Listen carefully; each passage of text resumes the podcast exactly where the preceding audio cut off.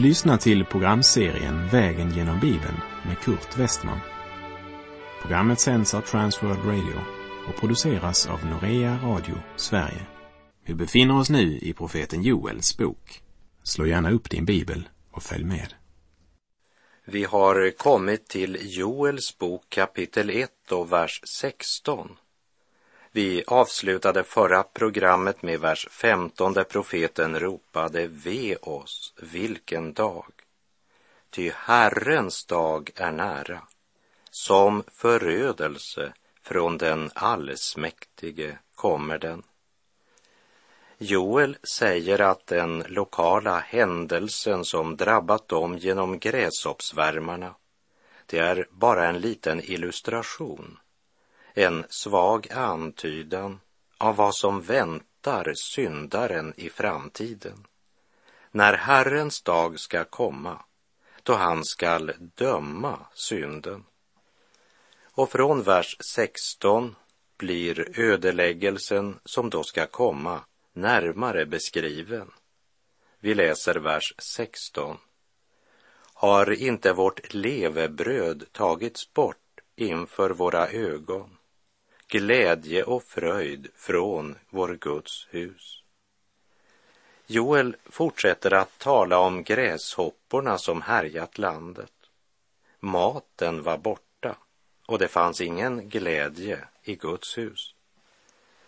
Jag har haft privilegiet att under många år predika i olika församlingar i vårt land, såväl som i Norge, Danmark och Finland. Och jag måste säga att många församlingar präglas av ett tungsinne och av resignation. Glädjen har blivit borta från Guds hus. Vi läser vers 17. Utsädet ligger förtorkat under klumpar av jord. Förrådshusen står öde och ladorna förfaller, ty skörden på fält skörden är förstörd. Att skörden var förstörd var ju illa nog. Men nu hade det nått till den punkt då de inte ens hade något att så. Och därmed kunde man inte förvänta någon skörd det kommande året. Förutom gräshoppsvärmarna så hade torkan och hettan förtorkat det korn som man sparat i utsäde. Ladorna blir stående tomma. Man har ingen användning för dem. Man har inget att lägga i ladorna och därmed så får de förfalla. Vi läser vers 18. Hur stönar inte boskapen?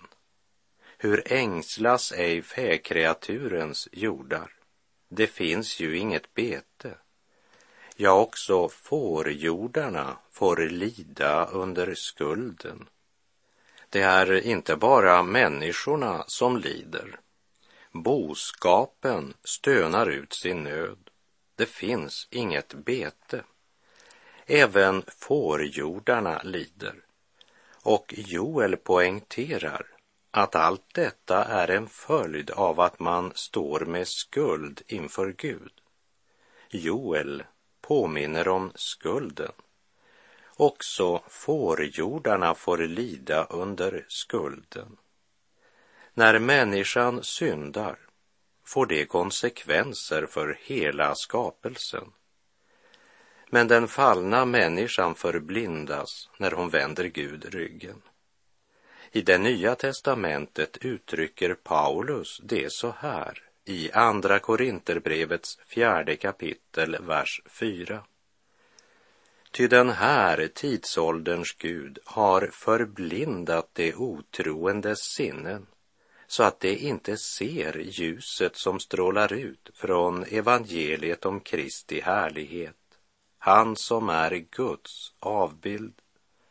Människan vänder Gud ryggen och väljer att tjäna synden. Flertalet väljer och lever efter sin egen lust och tjänar honom som är ond, som är en lögnare, ja, lögnens far. Och när syndens frukter blomstrar över jorden så säger människan, hur kan Gud vara god när det ser ut så här i vår värld? Men världen ser ju inte ut som den gör idag därför att alla människor lever efter de tio Guds bud och älskar Gud över allting. Människan sår i köttet. Därefter anklagar hon Gud för att skörden inte blev som han önskade. Men den som tjänar honom som är lögnaren och lögnens far måste räkna med att skörden aldrig blir som utlovat. Bedra inte er själva. Gud bedrar man inte. Det människan sår skall hon också skörda. Den som sår i sitt kötts åker skall av köttet skörda undergång. Men den som sår i andens åker skall av anden skörda evigt liv, står det i Galaterbrevet 6, verserna 6 och 7. Profeten Joel säger, hur stönar inte boskapen? Hur ängsla sig fäkreaturens jordar? Det finner ju inget bete, ja, också fårjordarna får lida under skulden. Människan ådrager sig skuld, men hela skapelsen får betala för våra synder. Så låt oss vända oss till Gud och bekänna våra synder och få skulden utplånad. Joel kapitel 1, vers 19. Till dig, Herre, ropar jag. Ty en eld har förtärt betet i öknen och en eldslåga har förbränt träden på marken. Profeten vet vart han ska vända sig i sin nöd. Till dig, Herre, ropar jag. Det ord som här översatts med ropa är i hebreiskan ett starkt uttryck för att ropa ut sitt hjärta hjärtas innersta nöd. Det talar om ett själens skrik efter Gud. I Saltaren 42, vers 2 och 3 kommer Koras söner med detta starka rop. Som hjorten längtar efter vattenbäckar, så längtar min själ efter dig, Gud. Min själ törstar efter Gud, efter den levande guden. När ska jag få träda fram inför Guds ansikte? Vi läser Joel 1, vers 20. Också de vilda djuren längtar efter dig, ty vattenbäckarna har torkat ut och en eld har förtärt betet i öknen.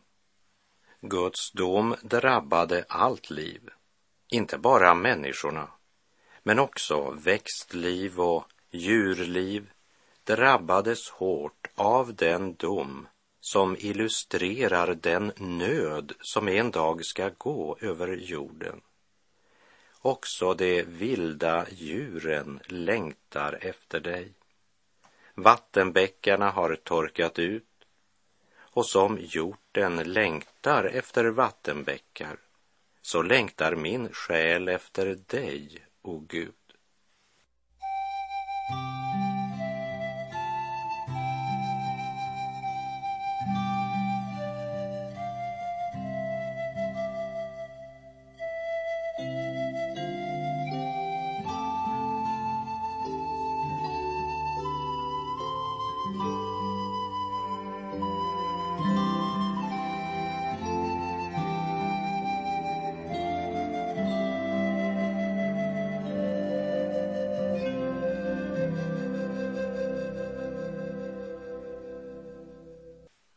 När vi kommer till Joels bok kapitel 2 så fortsätter den inledning som började i kapitel 1, vers 15. Och temat är detsamma. Han ser fram mot Herrens dag som skall komma. Som du minns hade Gud lovat David ett kungarike. Och detta underbara kungarike blev sångtema för alla profeterna efter David. Det stora budskapet är att det tusenåriga kungariket ska komma på vår jord.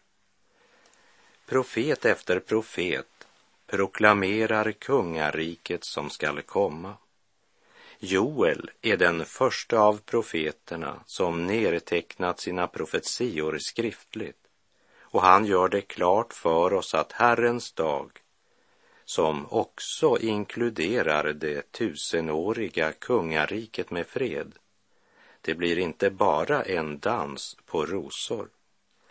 För innan tusenårsriket, då Herren Jesus skall regera på vår jord, så kommer en tid som Jesus definierat som den stora vedermödan.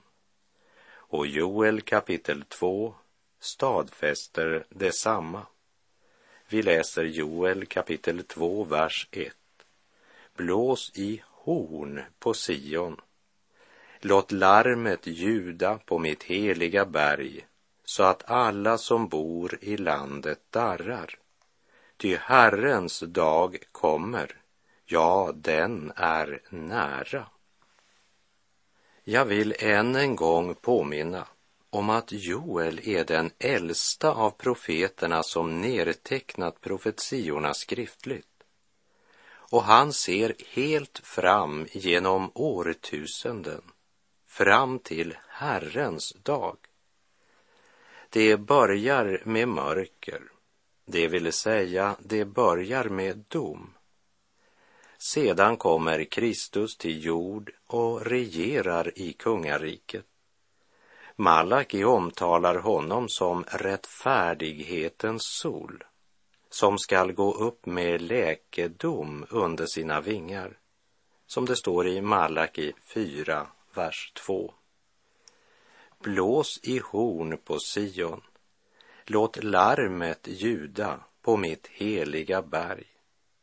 Sion och mitt heliga berg siktar till Jerusalem.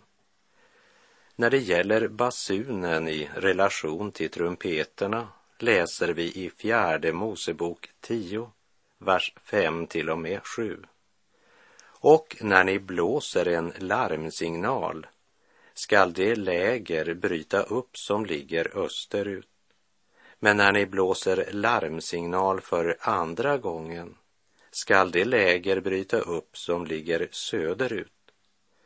När lägren skall bryta upp skall man blåsa larmsignal. Men när församlingen skall sammankallas ska ni inte blåsa larmsignal utan stöta i trumpeterna. Gällde det en samling av äldste eller en vanlig samling av folket så skulle det blåsas i trumpeterna. Men till larmsignal användes basunen. Hos profeten Jesaja kapitel 18, vers 3 läser vi följande upprop. Ni jordkretsens alla inbyggare, ni som bor på jorden, se till när man reser upp baner på bergen och när man stöter i basun, så lyssna till det. Och om denna alarm, basunen, säger Jeremia i kapitel 4, vers 5. Förkunna i Juda, kungör i Jerusalem och påbjud, ja, stöt i basun i landet Ropa ut med hög röst och säg, församla er och låt oss fly in i de befästa städerna. Och om larmsignalen som skulle blåsas i Bet-aven säger Hosea 5, vers 8. Stöt i basun i Gibea, i trumpet i Rama, blås larmsignal i Bet-aven Fienden är efter dig, Benjamin. Men vid vanliga samlingar var det trumpeten som skulle användas. Jag citerar fjärde Mosebok 10.12. Och Herren talade till Mose och sa, gör dig två trumpeter av silver. I drivet arbete skall du göra dem. Dessa ska du använda när menigheten ska sammankallas och när lägren skall bryta upp.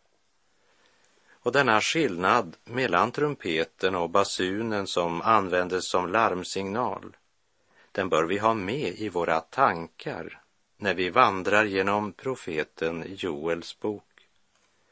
Hör än en gång Joels rop i kapitel 2, vers 1. Blås i basun på Sion.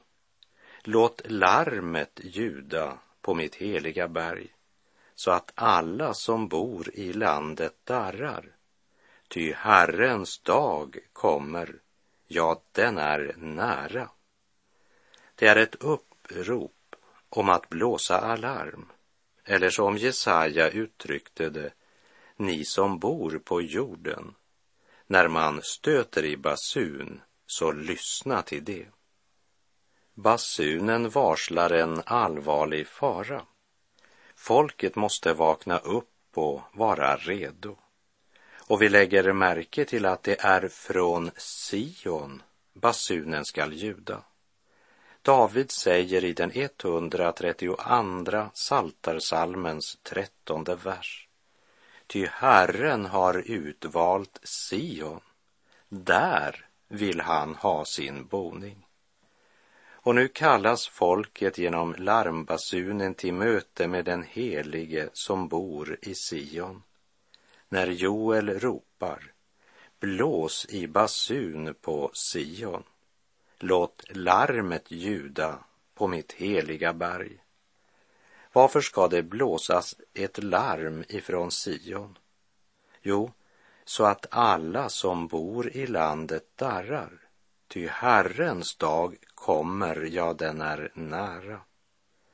Hebreerbrevet 9, vers 27 säger att det är bestämt om människan att hon en gång ska dö och sedan dömas.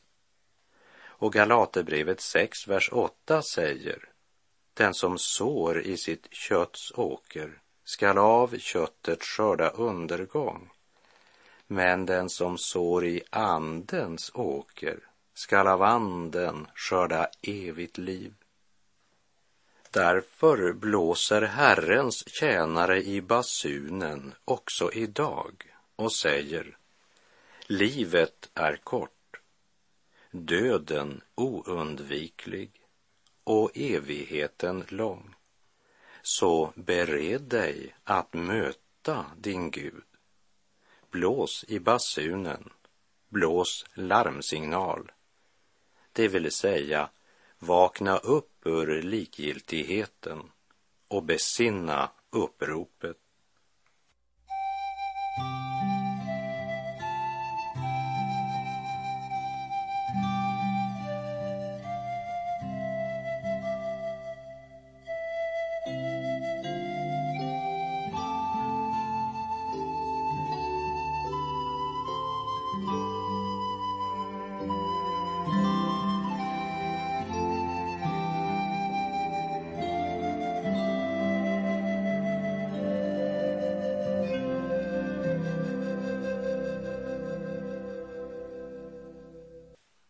Här i Joel kapitel 2 pekar Joel på det som hände när gräshopporna hemsökte landet och sammanliknar med den assyriska härens hot. Och därefter ser han vidare helt fram till Herrens dag. Liberalteologerna säger naturligtvis att det är endast den lokala händelsen i just den här situationen han talar om. För den som inte tror Guds ord har ju ett stort behov av att utelämna mer än en dimension av det profetiska ordet. Men ett annat sidospår, det är att hävda att dessa verser endast siktar till den stora vedermödan som ska komma det är viktigt att se hur Joel blandar allt detta i grytan. Därför att det på olika sätt faktiskt hör ihop. Det är ett samband mellan hemsökelsen av gräshopporna och den nöd som ska gå över världen innan Herrens rike kommer. På ett mästerligt sätt talar Joel i ena ögonblicket om den lokala situationen för att i nästa ögonblick lyfta blicken helt fram till Herrens dag, vilket inkluderar både den stora vedermödan och tusenårsriket. Det som hade hänt, det var att gräshopporna på ett fruktansvärt sätt hade skövlat landet på allt av korn och frukt och vin. Och i en nära förestående framtid skulle den assyriska armén tränga in i landet med förödande kraft. Men i vers 20 står det, fienden från norr ska jag driva långt bort ifrån er. Här är det några bibeltolkare som menar att det inte längre är tal om gräshoppor, men om ett folkslag och deras armé. Och till det så vill jag bara säga att här må vi vandra varsamt. För ett profetiskt budskap kan inte alltid begränsas till ett antingen eller, men innehåller ofta både och. Hemsökelsen av gräshoppor var en bild en illustration av det som skulle ske när den assyriska armén skulle komma in över landet från norr. Liksom den assyriska armén blir en illustration på den fiende som ska komma från norr i den yttersta tiden och som vi ser av Hesekiel kapitel 38 och 39 så kan armén från norr vara vår tids Ryssland som skall angripa Israel. Vi bör komma ihåg att Herrens dag i detta sammanhang inte talar om ett dygn på 24 timmar, men om en tidsperiod.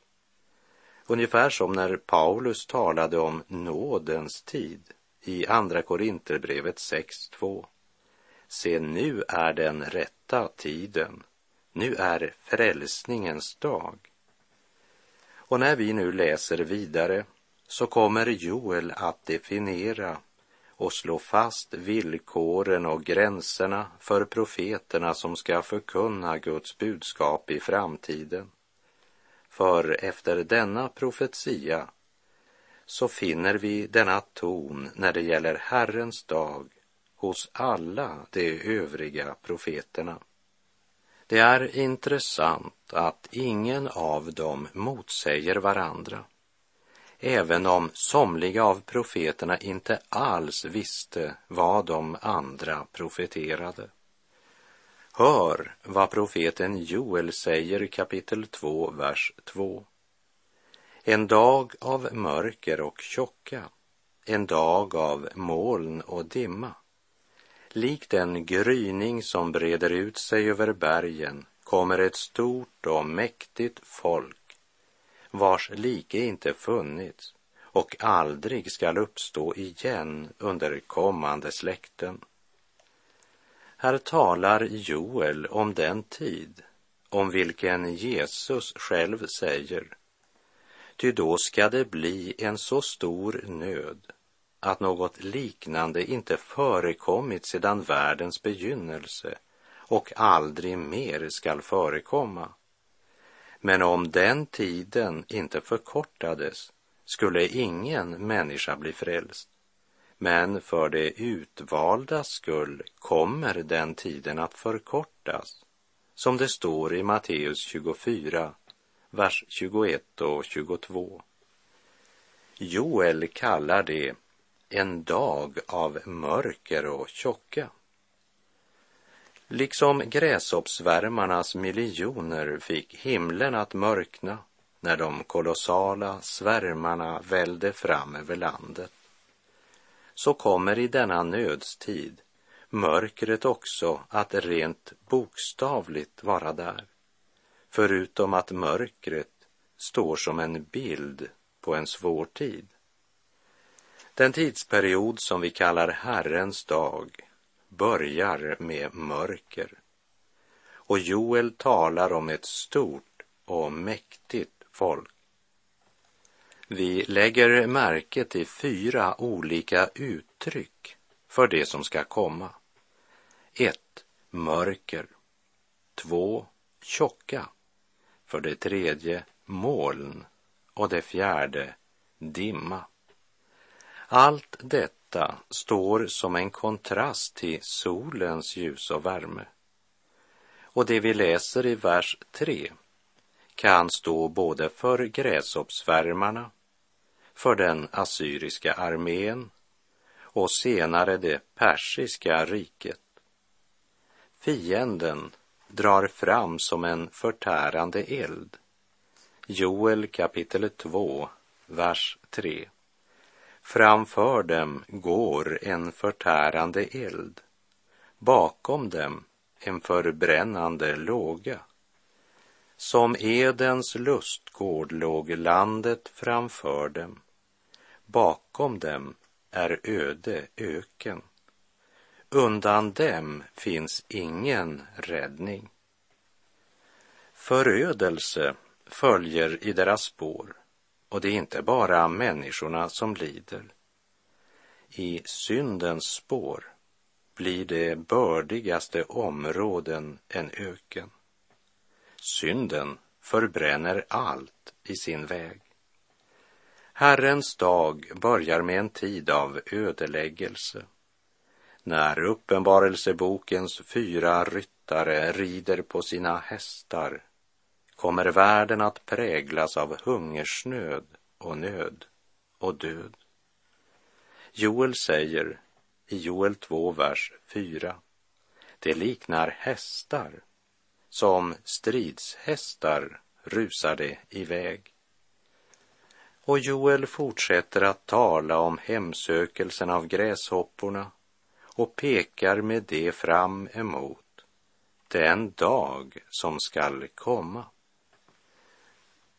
Men med det så är vår tid ute för den här gången.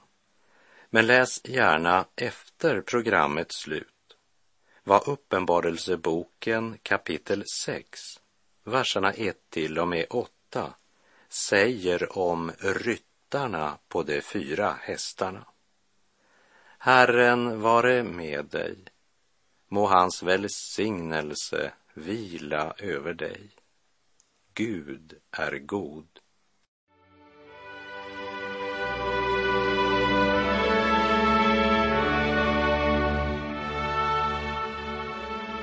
Du har lyssnat till programserien Vägen genom Bibeln med Kurt Westman som sänds av Transworld Radio. Programserien är producerad av Norea Radio Sverige. Om du önskar mer information om vårt radiomissionsarbete så skriv till Norea Radio Sverige, box 3419 103 68 Stockholm. Adressen är alltså Norea Radio Sverige, box 3419. Postnumret 10368 Stockholm.